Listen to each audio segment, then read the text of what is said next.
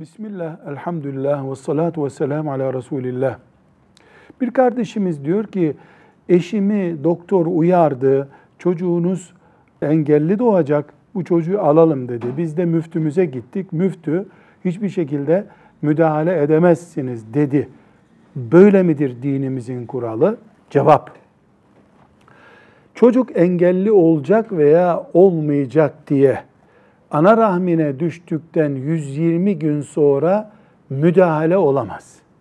120 güne kadar ise doktorların gördüğü bir gerekçeden dolayı yani doktorların e, tıbbın bu çocuğa müdahale edilmesi, bu cenine müdahale edilmesi lazım dediği durumlarda müdahale olabilir. Bu da keyfi olmamalı. 120 güne kadar. 120 günden sonra müdahale edilebilmesi için anne açısından hayati bir tehlike söz konusu olmalı. O zaman yani annenin hayatıyla, sağlığıyla ilgili bir sorun söz konusuysa müdahale yapılabilir.